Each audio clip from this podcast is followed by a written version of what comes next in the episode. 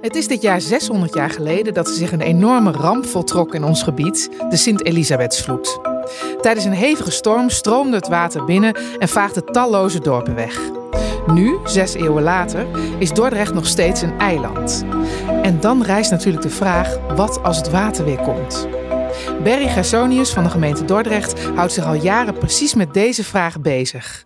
Hij onderzoekt de mogelijkheden van de staat als klimaatbestendig toevluchtsoord voor de toekomst. Berry, welkom. Leuk dat je er bent. Dankjewel. Uh, vertel eens, wat is er nou zo bijzonder aan de staart en wat is jouw rol binnen dit onderzoek? De staart is een heel bijzonder gebied, omdat het eigenlijk een eiland is op een eiland. Na de Sint-Elisabethvloed is Dordrecht een eiland geworden. Het eiland van Dordrecht is langzaam ingedijkt en teruggewonnen op de, de binnenzee. Maar de staart is eigenlijk nooit omdijkt. Er zijn wel wat polders, maar het gebied is eigenlijk een buitendijks gebied, vrij hoog gelegen. En daarmee is het ook een heel bijzonder gebied vanwege die ligging tussen twee uh, rivieren en tussen de binnenstad en de Biesbos. Ja, wauw. Ik, ik eh, denk pas van dat ik dat eigenlijk nooit uh, zo gezien heb. we weten allemaal natuurlijk wel dat de zeespiegel stijgt. En wat voor gevolgen heeft dit dan voor Dordrecht? Ja, Dordrecht ligt eigenlijk in wat we noemen een overgangsgebied. Dus je hebt hier te maken met zowel de waterstanden op zee en de afvoer van de rivieren. En juist als die twee samenkomen, dus een hoge rivierwaterstand en een hoge zeespiegel, uh, hè, dus een storm op zee, sluit de Maaslandkering en dan stijgt het waterpeil in Dordrecht. Als de zeespiegel stijgt, betekent dat dat de Maaslandkering vaker zal sluiten. En daarmee hebben we ook vaker te maken met hoogwater in Dordrecht. Mm En uh, wat voor maatregelen zijn er nu al uh, op dit moment? Nou, nu is de Maaslandkering zelf, die biedt eigenlijk veel veiligheid aan dit gebied. Uh, maar als de zeespiegel verder stijgt, zeker naar 2050, wanneer we echt te maken zullen krijgen met versnelde zeespiegelstijging, kan het grote gevolgen hebben voor dit gebied. Niet alleen voor Dordrecht, maar eigenlijk heel deze regio, Rijnmond, Drechtsteden, uh, is nu aan het nadenken hoe we moeten aanpassen, hoe we ons moeten aanpassen aan die stijgende zeespiegel. Okay. En daarbij worden de maatregelen bedacht op een regionaal schaalniveau, dus de hele regio beschermen.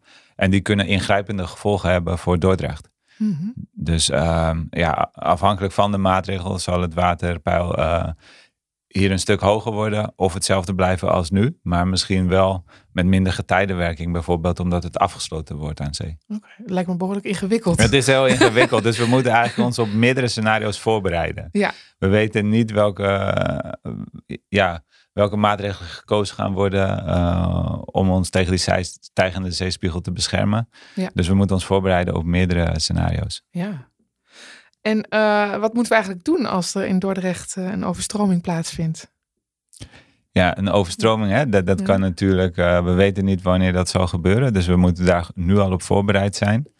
En eigenlijk het advies wat we geven als er hoogwater dreigt, is vooral om naar zolder te evacueren. Vooral die situatie met een ja, gesloten maaslandkering. Uh, dat is moeilijk te voorspellen eigenlijk. Dus we verwachten dat we maar ongeveer twee dagen voorspeltijd hebben. Waarvan één dag uh, de storm zelf is. Dus dat betekent dat we maar één dag hebben te evacueren. En kunnen nooit alle inwoners van het eiland af evacueren. Dus nee. daarom adviseren we, ga vooral omhoog uh, naar ja. zolder waar je veilig bent. Ja, en krijgen we dan allemaal, ik ga meteen op me persoonlijk hoor, krijgen we dan allemaal instructie van als je daar en daar woont, dan moet je naar de zolder en als je daar woont, kan je misschien nog weg? Of...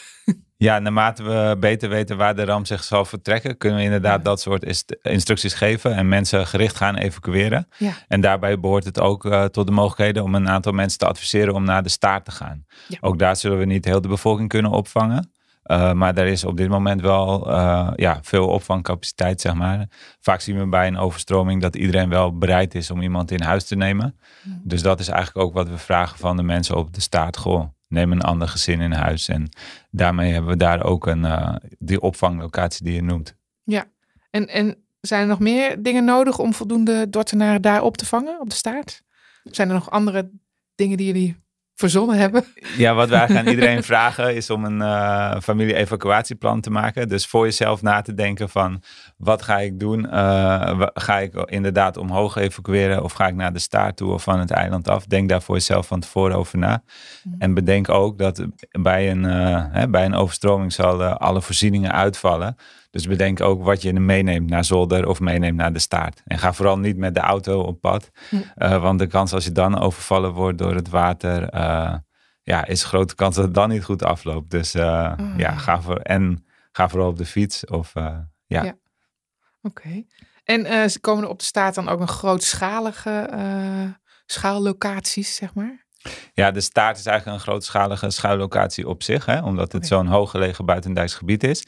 Maar binnen dat gebied kijken we inderdaad naar de, nou ja, de woningen. Hè. De- ieder gezin kan een ander gezin opvangen. Maar er zijn ook veel bedrijfspanden op de staart. En juist ook bij die bedrijfspanden zie je dat ze een grote vloercapaciteit hebt, eh, waar je ook veel mensen zou kunnen opvangen. Ja. Nou, dat klinkt goed en verstandig.